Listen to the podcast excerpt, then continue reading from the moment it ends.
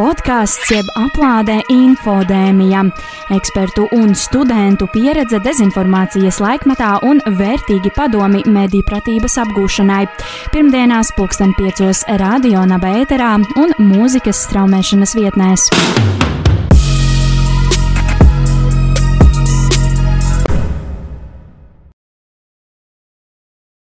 Sveiciens visiem podkāstu infodēmija klausītājiem un esiet sveicināti mūsu īpašajā, noslēdzošajā un diezgan ilgi gaidītajā 30. epizodē, kurā tad uh, mums gan šodien nav uzaicināts uh, neviens viesis, jo uh, šodienas 30. noslēdzošās podkāstu infodēmijas epizodes galvenais uzdevums un mērķis ir atskatīties uz, atskatīties uz to, ko mēs esam paveikuši pēdējo septiņu mēnešu laikā. Ar jums šodien kopā studijā attālināti, tas gan drīzāk ir uh, radio vai uh, telefonos vai kur citur, esmu es, mans vārds ir Elīna un arī podkāstu infodēmija visa skaistā un draudzīgā komanda, kuri varētu pateikt tagad čau pa vienam. Čau, mani sauc Elza. Čau, es. Čau, es esmu Elīza. Jā, es esmu Kristers. Burvīgi. Un uh, pēdējo reizi, kad mēs bijām šādi šeit uh, kopā visi vienā vienu vietu, tas bija uh, pašā pirmajā epizodē ar nosaukumu Dezinformācijas laikmets, kurā tad mēs sākumā vispār tik tā ļoti apskatījām, uh, apskatījām kas un kā ir uh, mediju pratība, dezinformācija un tādas lietas. Un tad jau atlikušajās 28 epizodēs katru reizi aicinājām pie sevis kādu ekspertu viesi, un tad noskaidrojām par kādu konkrētu tēmu jau nedaudz plašāku informāciju. Nu, ko tad es domāju, ka nevilksim daudz garumā un sāksim tad lēnu tādu atskatu uz to, ko tad, uh, par ko tad mēs esam runājuši pēdējā uh, pusgada, nedaudz vairāk laikā. Tātad mūsu uh, pirmā viesņā otrajā epizodē ar nosaukumu Pirmie soļi mediju pratībā bija eksperte, komunikācijas, komunikācijas zinātņu doktore un uh, mediju pratības eksperte Klinta Ločmele, ar kuru tad mēs kopā apskatījām, kāda tad īsti ir sociālo mēdīju loma dezinformācijas izplatībā. Tad nākamajā epizodē parunājām par mediju pratību skolās, kas bija ļoti, ļoti interesanti kopā ar um, eksperti Ingūnu Irbīti, uh, kuras, uh, kura mediju pratības ziņā vairāk koncentrējās uz jauno paudzi, īpaši skolām. Uzzinājām to, cik mēdī pratība un kritiskā domāšana ir svarīga pilnīgi visos īstenībā skolas mācību priekšmetos. Pēc tam ļoti īpaša intervija ar, ar atvērto failu žurnālisti un arī LUSF komunikācijas zinātnes bakalaura grādu ieguvēju Baibu Runci, kura ir žurnāliste, un tad izpētījām, izpētījām dažādus amizantus un pat pārsteidzošus piemērus, ar kuriem žurnālisti saskarās ikdienu, protams, arī saistībā saistībā ar dezinformāciju. Un piektā epizode ar, ar žurnālistu un arī Latvijas Universitātes sociālo zinātņu fakultātes doktorantūras pētnieku Raivi Vilūnu. Un tad ļoti paklausījāmies interesantus faktus visus par un ap dažādām sazvērestības teorijām un kā tās izpaužās un kā tad tās radās. Un tagad, lai nedaudz arī uh, savus prātus padarbinātu, mēs esam, katrs ir sagatavojis kādus konkrētus jautājumus, kurus uzdot mums viens otram. Un es domāju, ka varbūt pa pirmajām piecām epizodēm kaut ko varētu pajautāt, pajautāt varbūt Kristers. Nu jā, man vairāk ir iekritusi galvā no visām epizodēm, ir tīpaši otrā, jo Linta mums bija arī pasniedzēja, un īstenībā pateicoties viņai arī un viņas palīdzībai šis podkāsts vispār radās. Un no viņas epizodes es gribēju jums pajautāt, vai jūs vispār atceraties, kas ir mēdīja prata? Elza, varbūt tu zini? Jā, protams, ka es atceros. Mēdīja pratība tā tiek skaidrot tā kā cilvēka prasme, nu, pirmām kārtām piekļūt, tad arī analizēt un pēc tam arī radīt informāciju ar kaut kādu, teiksim, noteiktu nolūku. Un, manuprāt, mediju prātīgu cilvēku varētu raksturot tā, ka cilvēks spēja apzināties, nu, kā funkcionē mediji, kādas ir ietekmes uz medijiem gan no politiķu, gan no ekonomikas un visādām citām visādām pusēm, un arī mediju pratīgs cilvēks izprot, kāpēc vispār ir vajadzīga mediju un neatkarīga žurnālistika, un kāpēc ir vajadzīga arī vārda brīvība tā īsumā. Īsnībā nekaunēšos arī piebilst, ka es uzskatu, ka šī podkāstu veidošanas laikā mēs noteikti visi esam kļuvuši mediju, mediju pratīgāki un noteikti daudz ko arī iemācījušies, un, protams, arī jūs, dārgie klausītāji, daudz ko varat uzzināt vienkārši paskatoties, sameklējot mūsu Spotify, Apple podkāstus vai Google podkāstus un paskatoties kādu iepriekšējo epizodi. Arī man, kā jau es iepriekš runājot par epizodēm, iekrita, iekrita kāda, kāda epizode vairāk galvā. Tā bija ar numuru 3 mediju pratības skolās saruna ar Ingūnu Irbīti. Un tad mans jautājums Elīzai, Elīzai varētu būt tāds, cik tad īsnībā plaša šī dezinformācija un tādas lietas izplatās skolēnu vidū, un, un, un, un kā jau arī Ingu un Irbīt minēja, cik svarīgi ir skolā mācīt šo te kritisko domāšanu un audzināt jauno paudzi nedaudz citādāk. Jā, tad atsaucoties mūsu sarunu ar Ingu un Rīti podkāstā trešajā epizodē, kā jau Elīna minēja, mēs varam secināt to, ka jauniešos visplašāk izplatītākā šīs tendences ir mutvārdu komunikācija skolā un diezgan pašsaprotami, ka arī sociālajie tīkli un tajos izplatītā informācija. Un liela daļa skolēnu, kā mēs sarunā ar Ingu un Irbītu noskaidrojām, nemaz negribētu kļūt par viltus ziņu kanāliem, jo ir šī vēlme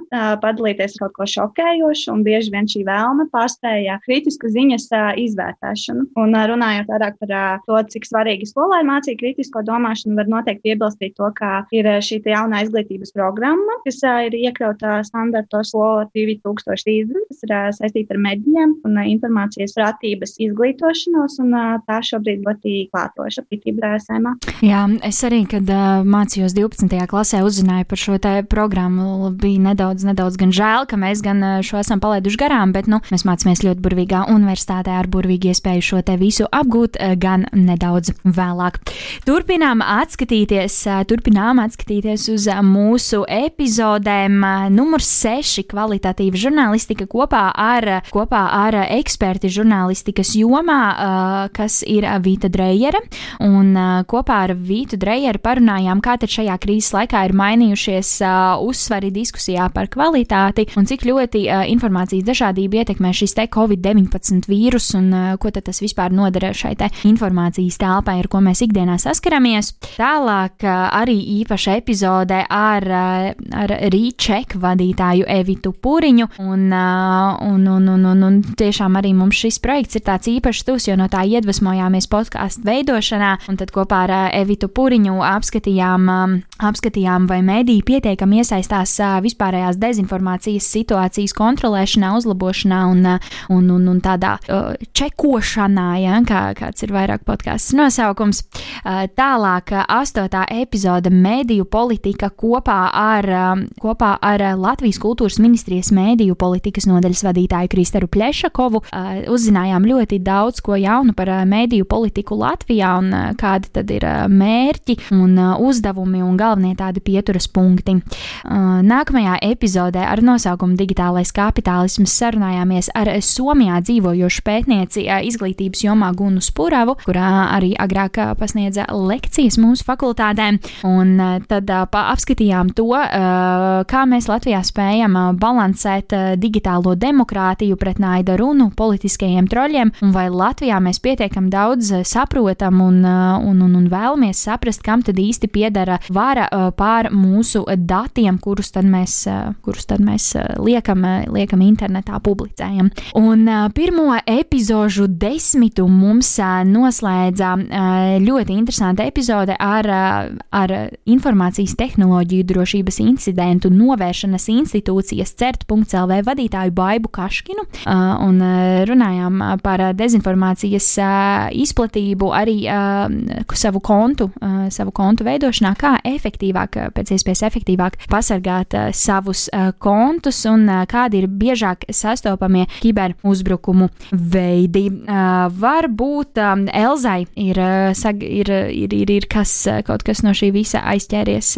vairāk prātā, par ko uzdot jautājumu? Protams, ir. Man ļoti interesanti šķita astotā epizode par mediju politiku, tāpēc uh, mans jautājums uh, Laurai ir, uh, kas ir mediju politika? Par valstām, kas uh, definē mērķus, ko mēs kā valsts vēlamies sasniegt mediju jomā. Tā nosaka arī uzdevumus un dažādus konkrētākus pasākumus, kas ir īstenojami, lai mēs varētu sasniegt tos iepriekš definētos mērķus. Vispār mediju politikā arī ir pieci darbības virzieni, bet tajos es varbūt neiedziļināšos. Es domāju, ka kopumā mēs sapratām apmēram, ka mediju politika. Jā, šī epizode bija tiešām tāda, tāda nedaudz nopietnāka, un, un, un, un tur arī varējām parunāt par kaut ko tādu tiešām ļoti, ļoti svarīgu un būtisku visai Latvijai. Un, un, un, un mans jautājums, kuru es esmu arī, arī kā jau iepriekš minējusi par epizodi ar numuru septiņu par faktčekeru darbību, Kristers varbūt zinās to, kā tad īsti, nu tā ļoti īsumā darbojas faktčekeri un cik liela tad ir viņu loma dezinformācijas vispārējā apkarošanā. Mm, kopumā faktu pārbaudītāji vai faktčekeri darbojas sociālajos tīklos, un, nu, kuros pārbauda ziņu patiesumu un teikt, kontrolē dezinformācijas izplatību. Šeit varētu, es domāju, pieminēt Facebook žurnālistus, kuri nodrošina kā, ar speciālu pūlu vai latviešu sakot rīku, laikam, kurš jau priekšā parāda iespējamos dezinformācijas ierakstus, un ar kuriem daudzi cilvēki jau ir iepriekš arī dalījuši. Man liekas, piemērs arī noderēt labi īsumā tā. Jā, jo īstenībā pirms šīs te epizodes ierakstīšanas mēs, nu, piemēram, es vēl nemaz nezināju to, ka pastāv tādi speciāli rīki, ar kuriem darbojas žurnālisti. Līdz ar to tas arī bija ļoti, ļoti interesanti. Otrajā epizodžu desmitā mēs iesoļojām ar terminu postpatiesība, kas ir guvis tādu lielisku popularitāti saistībā ar būtiskām izmaiņām, informācijas apmaiņas un dažādas izvērtēšanas paradumos. Un attālināti sarunājāmies ar Ventu Sīli, kurš ir Rīgas Stradiņa Universitātes asociētais profesors, arī filozofs un publicists. Un kopā noskaidrojām, kas tad ir postpatiesība un ar ko tā atšķirās no vienkāršiem meliem un kas tad ir gvelšanas fenomens. Ja jums nav nejausmas, kas ir gvelšanas fenomens, noteikti noklausieties 11. epizodi podkāstam Infodēmija. Tālāk burbuļi, paudzes, mileniāļi un, un, un, un digitālie iezemieši un citas lietas pieejamas epizodē numur 12 paudzes sociālajos medijos kopā ar Latvijas Universitātes doktoranti Velgu skolmeistari. Un šajā ten epizodē aprunājām par to, kad, tad, kāda, ir, kāda ir paudžu nozīme tieši sociālo mediju kontekstā un ko tas var mainīt, mainīt to, ka esam tādi, kādi mēs esam.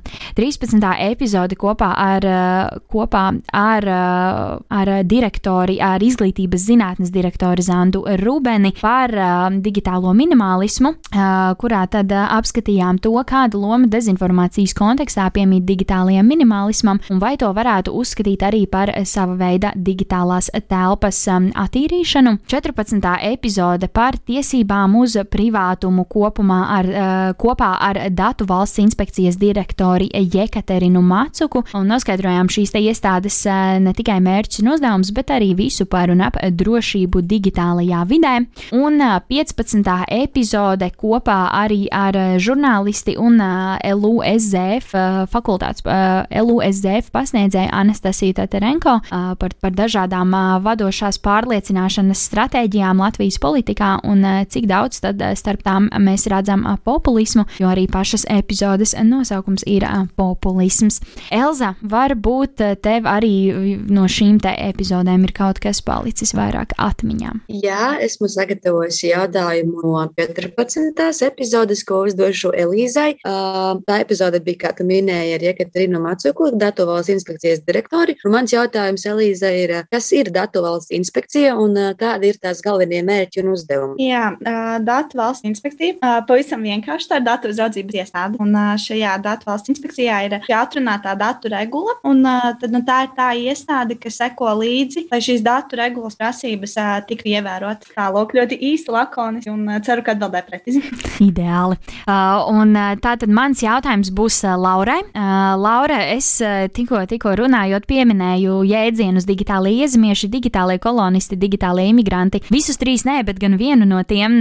Kas tad tas īsti uh, ir? Ko tad šie jēdzieni nozīmē? Uh, nu, droši vien tā jēdzīgāk, saprotamāk tie jēdzieni izklausās, ja viņus uh, visus sauc kopā, bet es varētu par tiem uh, iezemiešiem, jo tas saistās droši vien arī vairāk ar mums, ka tie iezemieši, digitāli iezemieši ir uzauguši pār jau digitālajā laikmetā. Un, uh, viņi ir piedzimuši tādā brīdī, kurā mājās jau ir dators. Un, uh, līdz ar to, tad, protams, skaidrs, ka, ka kolonija tas ir tādi, kur ir atklājuši uh, digitālo vidi ietvēlā, kur ir tā starpība. Jā, uh, dosimies tālāk, apskatīsim tālāk epizodes ar numuru, uh, sākot no numura 16. Uh, pirmā mums priekšā stāv epizode par un ap cenzūru, kurā mēs tieši ar Lauru kopā sarunājāmies ar, ar, ar, ar, ar, ar žurnālistu pētnieku Jāni Buholcu un runājām arī par to, cik, cik vispār drīkst vai nedrīkst iesaistīties satura dzēšanā, kas tiek publicēts sociālajos tīklos, un vai šo te satura dzēšanu var uzskatīt par cenzūru vai tiesības uz vārda brīvību pārkāpšanu. Ļoti, ļoti interesants temats.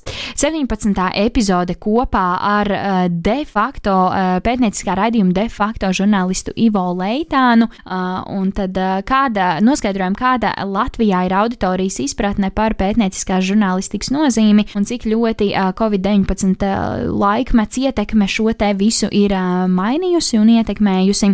18. epizodē nedaudz atkāpāmies, aizceļojām uz kultūras tēmu, runājot par autentiskumu mākslā kopā ar Nacionālo kino centra vadītāju Dītu Rietumu un kā tad Covid-19 ir ietekmējis šo nozari un vai māksla un vai mākslai kino un to autentiskumam būtu jāpastāv ārpus dezinformācijas un viltus ziņu plaknes. Pēc tam gan nedaudz paceļojām tālāk ārpus Latvijas robežām uz Eiropas Savienību un apskatījām kopā ar, kopā ar, kopā ar strateģiskās komunikācijas ekspertu Eiropas Savienības austrumu strateģiskās komunikācijas operatīvajā grupā Rihardu Bambāli par to, kā tad Eiropas Savienība cīnās ar dezinformāciju un kādi tad ir interesantākie gadījumi līdz šim. Un tad jau datu žurnālistika otrais, otrais epizožu desmits Atlantic Council pētniece un eksperta dezinformācijas jautājumos Nika Aleksējeva mums nedaudz vairāk pastāstīja, kā rodas dažādas dezinformācijas idejas un vēstījumi Latvijā, un vai to tie tomēr tiek aizgūti no ārzemēm un kaut kādā veidā tulkoti. Uh, es domāju, ka varbūt Kristaram ir sagatavots kāds jautājums par šiem te epizožu, šo te, šīm te dažām epizodēm, kuras mēs tikko apskatījām kopā. Um, es varētu pajautāt uh, jautājumu no 16. epizodes, kur bija ar Jāni Buhaucu, uh, kur runājām par cenzūru. Kas vispār ir cenzūra? Kāds var paskaidrot, Lūgam, Elza? Jā, protams, ka es varu, ja es pareizi atceros no epizodes, tad vispārējā cenzūras definīcija ir tāda, ka tā ir darbība, kas ir veikta ar mērķi nu, ierobežot, teiksim, noteiktas informācijas apriti. Un šo ierobežošanu tad var veikt ļoti dažādas puses. Tas gan to var darīt gan valdība, gan kaut kādas ekonomiskas, teiksim, struktūras, arī indivīdi. Tāpat arī tā pati cenzūra tā var tikt vērsta gan pret individiem, gan organizācijām, gan arī ļoti sliktos gadījumos pret žurnālistiem. Laura, varbūt tev ir kaut kas, ko piebilst par šīm te epizodēm?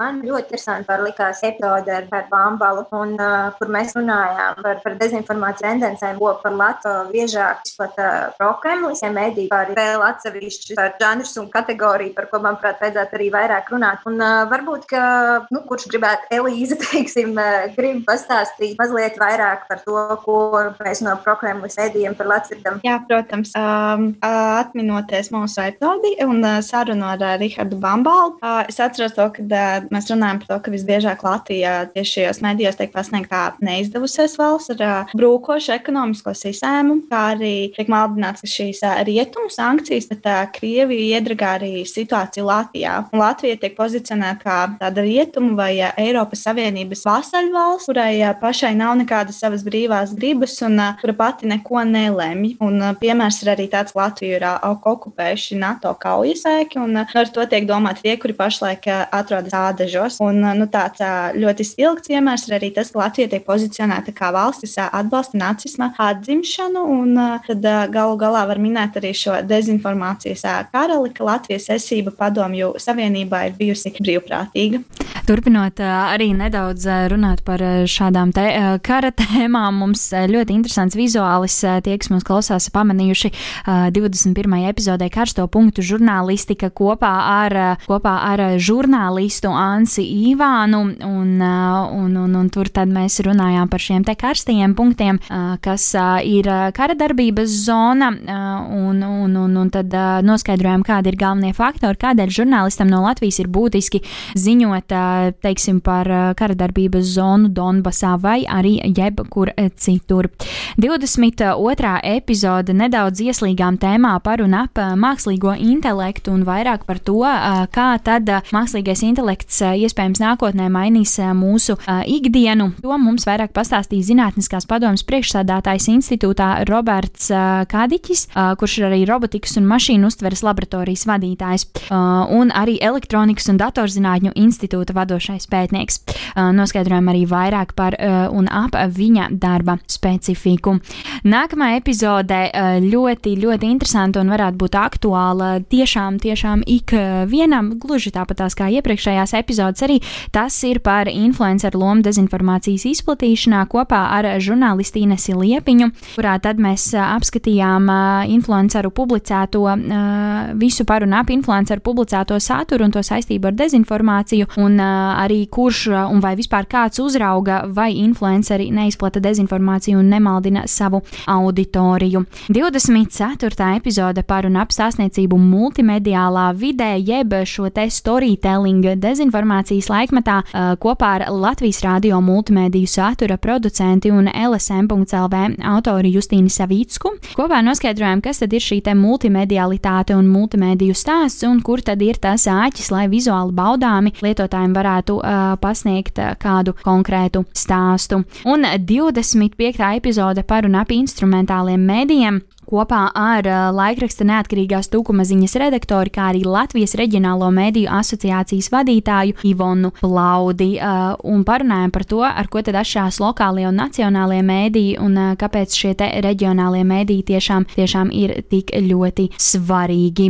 Varbūt, varbūt Elīzei ir kaut kas vairāk aizķēries no, no šīm te tikko nosauktajām epizodēm. Jā, es ļoti ilgi atceros 23. epizodi, kur kā jau Elīna minēja, mēs sarunājāmies ar Ines, Liepiņu un mazliet vairāk pieskārāmies influenceru tēmai. Un tad mans jautājums ir par to, kurš tad Latvijā uzrauga vai influenceri nemaldina patērētājus un vai viņi maksā nodokli. Varbūt Laura zinās atbildi. Jā, tāda pavisam īsā atbilde ir tā, ka Latvijā to uzrauga patērētāju tiesību aizsardzības centrs, influenceru uh, un influenceru asociācija. Tas arī, es domāju, ka ir tas, kas galvenais, kas visiem jāatcerās. Un, uh, Laura, uh, tev arī uh, varbūt ir sagatavots kāds jautājums par kādu no šīm piecām epizodēm? Jā, man ir. Uh, tu minēji, ka mēs ar uh, Ivonu Plaudi uh, runājām par to, ar ko lokālie mēdīji atšķiras no nacionālajiem mēdījiem. Varbūt uh, Elza uh,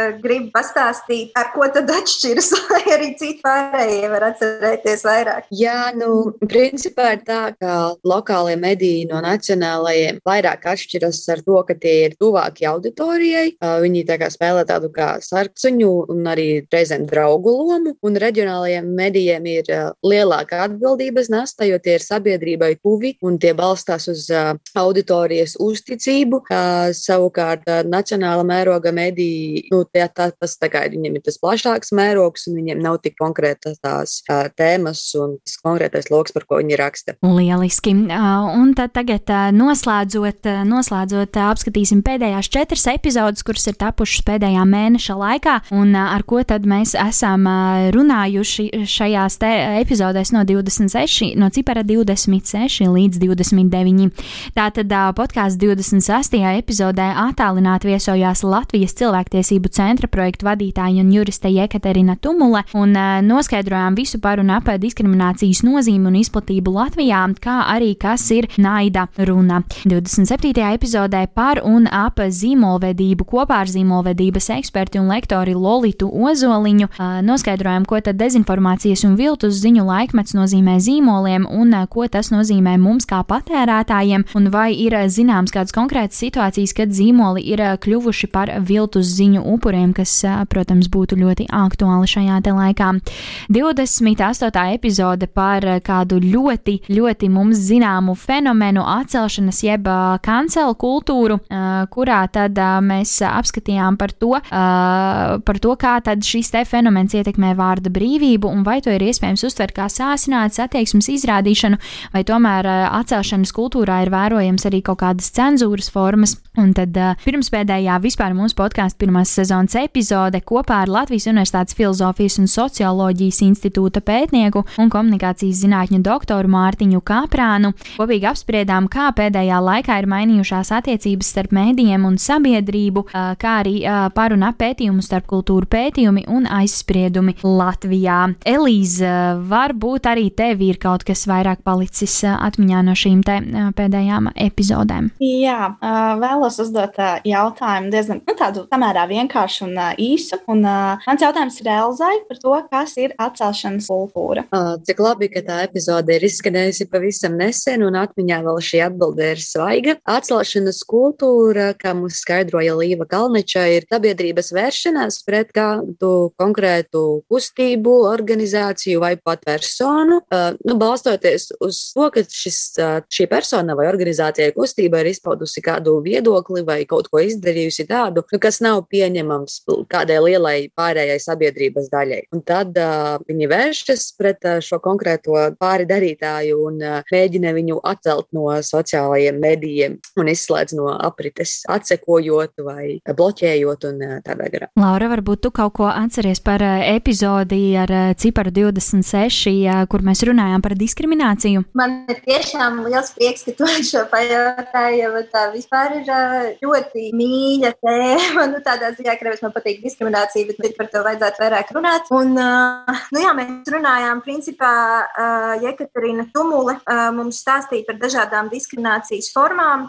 Un es domāju, ka varbūt Kristers grib mums varbūt pastāstīt, kas īsti ir diskriminācija. Lai es ticu, ka daudziem šķiet, ka viņi to zina, bet man šeit ir tā tēma, par kur nenāk par skādu atkārtot. Jā, es varu. Um, vispār paskaidrojot, kas ir diskriminācija, tā ir uh, nepamatota vai neobjektīva un vispār atšķirīga attieksme pret kādu cilvēku vai pat personu grupu, uh, kurai ir tādas iezīmes, kuras principā atšķiras no citām grupām. Piemēram, tā var būt tādas krāsa vai etniskā piedarība, vecums, uh, dzimums, seksuālā orientācija uh, vai veselības stāvoklis, un, protams, arī ir dažādi citi atsevišķi aspekti. Bet, nu, īsumā tas, tas par to, kas ir diskriminācija atšķirība attieksme. Kopumā esam visi apskatījuši aizvadītās 28 epizodes, un es domāju, to, ka noteikti katrs no mums ir iemācījies kaut ko aizguvis un, un, un, un tiešām kaut ko ļoti, ļoti atcerējies no šī te visa mūsu arī pavadītā laika kopā. Un tad varbūt, varbūt tad pašā, pašā noslēgumā pa vienai atziņai varbūt varētu Elīza sākt. Kas tad ir tas tā, tā tava spilgtākā atziņa? Um, jā, nu, es iegūstu tiešām ļoti daudz lietas, ko es nu, nākotnē paņemšu sev līdzi. Un, man šie septiņi mēneši, darbojoties pie šī podkāsta, ir tiešām bijuši ļoti vērtīgi. Un, pirmkārt, jau tas ir iegūto zināšanu kontekstā, jau klausoties podkāstu, lai arī es šīs epizodes klausījos jau tad, kad ieraksts bija gatavs. Nevis tā teikt, atcerēt sarunā ar ekspertiem. Es tāpat ļoti daudz iemācījos, jo tās sarunas bija tiešām interesantas. Un man liekas, ļoti liels bonus mums arī tas, ka mums bija ļoti liela tēma daudzveidības, medīpratības kontekstā apjāmies ne tikai viltus ziņas, bet arī citas tēmas, piemēram, cenzūru, vārda brīvību, vai nu pat nesen apskatītu atcelšanas kultūras tēmu. Un man šķiet, ka tas arī liecina par to, ka medīpratība jau patiesībā ir ļoti plašs jēdziens, un zem tā slēpjas tiešām ļoti daudz fenomenu, ko, ko varam vēl pētīt un pētīt tālāk. Es varu piebilst, ka tas, ko es visvairāk iemācījos no šīm visām mūsu 29 vai 30 epizodēm, ir termins, kas atkārtojas cauri visām no tām, vismaz lielākajai daļai, tā ir kritiskā domāšana. Neatkarīgi no konteksta, situācijas vai temata, par ko mēs runājam, vienmēr ir jāatceras informāciju uztvert kritiski pirms ar to dalīties tālāk. Man patiesībā iegūst ļoti, ļoti daudz, sākot jau ar to, ka man bija iespēja pastrādāt kopā arī ārpus studiju bija vidus arī ar saviem uh, foršiem kursviedriem. Bet uh, tā, ārpus tā, tie eksperti, kurus mums bija iespēja uzrunāt, ir, mēs centāmies atlasīt tādus, kas mūsuprāt Latvijā ir tiešām zinošākie savās jomās, un es nezinu, vai citādi tāda iespēja būtu bijusi. Un tas, ka mēs paši varējām arī izdomāt kādus jautājumus, vaicāt, domāt, kas mūsuprāt būtu noderīgāk ne tikai mums, bet arī pārējiem klausītājiem. Tā bija tāda iespēja, kas uh, ne daudziem studentiem ir, un uh, tas bija mans svarīgākais. Jā, runājot par mani, kas man svarīgākais, ko es pagaidām pat arī esmu sācis pats darīt, ir no desmitās epizodes, kur mēs runājam ar Baibu Kaškinu par kiberdrošību, kur viņa deva padomus, kā visefektīvāk pasargāt savus kontus un datus, un viņa teica, ka viens no zelta likumiem ir likt ļoti garas un grūtas paroles un neizmantot vienādas paroles dažādās vietnēs, ko es arī sāku darīt, un tās vietnes arī, kuras piedāvā arī izmantot daudz faktoru autentifikāciju, kur to, piemēram, pirms to arī iet savā profilā, tad uh, tev vēl no sava telefona ir jāievada iekšā kods. Man liekas, tādā veidā padara hakeriem grūtāku dzīvi un nav tik viegli pienākt iekšā tavos uh, profilos. Jā, tā mana vislielākā atziņa. Ļoti, ļoti liels prieks, ka, uh, ka ir kaut kas, kaut kas ļoti daudz paņemts. Arī es sāku nedaudz, nedaudz citādāk izturēties un domāt par un ap atcelšanas kultūru, kur man sākumā nelikās, ka ir tik ļoti specifisku, bet izrādās, jā, tur ir tiešām vairākas lietas apakšā, un um, arī paudzes sociālos mēdījos un uh, šie te burbuļi un to, kā mēs uh, izturamies citādāk uh, kopā ar citādākiem cilvēkiem, tas arī ļoti, ļoti man palika atmiņā. Un, protams, darbošanās šajā podkāstā un sadarbība arī kopā ar Latvijas Universitātes sociālo zinātņu fakultāti, ar Latvijas Universitāti, protams, ar mūsu mīļo, dārgo radio naba un arī ar um, organizāciju AIREX ļoti, ļoti daudz ir devusi podkāstu veidošanā, attīstībā un arī mūsu visu motivēšanā, došanās, do, doties tālāk un turpināt savus dzīves ceļus un tomēr ikdienā būt mediju prātīgiem un, un, un, un kritiski domāt un izvērtēt informāciju un kopumā, kopumā tā kaut kā arī dzīvot. Atgādināšu vēlreiz jums, dārgie klausītāji, to, ka jūs varat noklausīties visas mūsu epizodes LSM arhīvā, vai arī Google podkāsts, Apple podkāsts, kā arī, protams, mūzikas straumēšanas vietnē Spotify.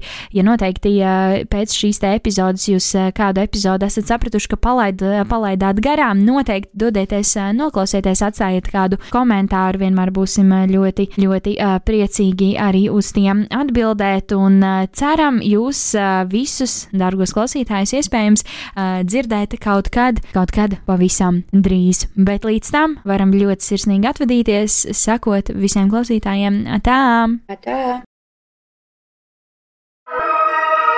Podkāsts jeb aplādē infodēmija, ekspertu un studentu pieredze dezinformācijas laikmetā un vērtīgi padomi mediju pratības apgūšanai. Pirmdienās pulksten piecos radio naba ēterā un mūzikas straumēšanas vietnēs.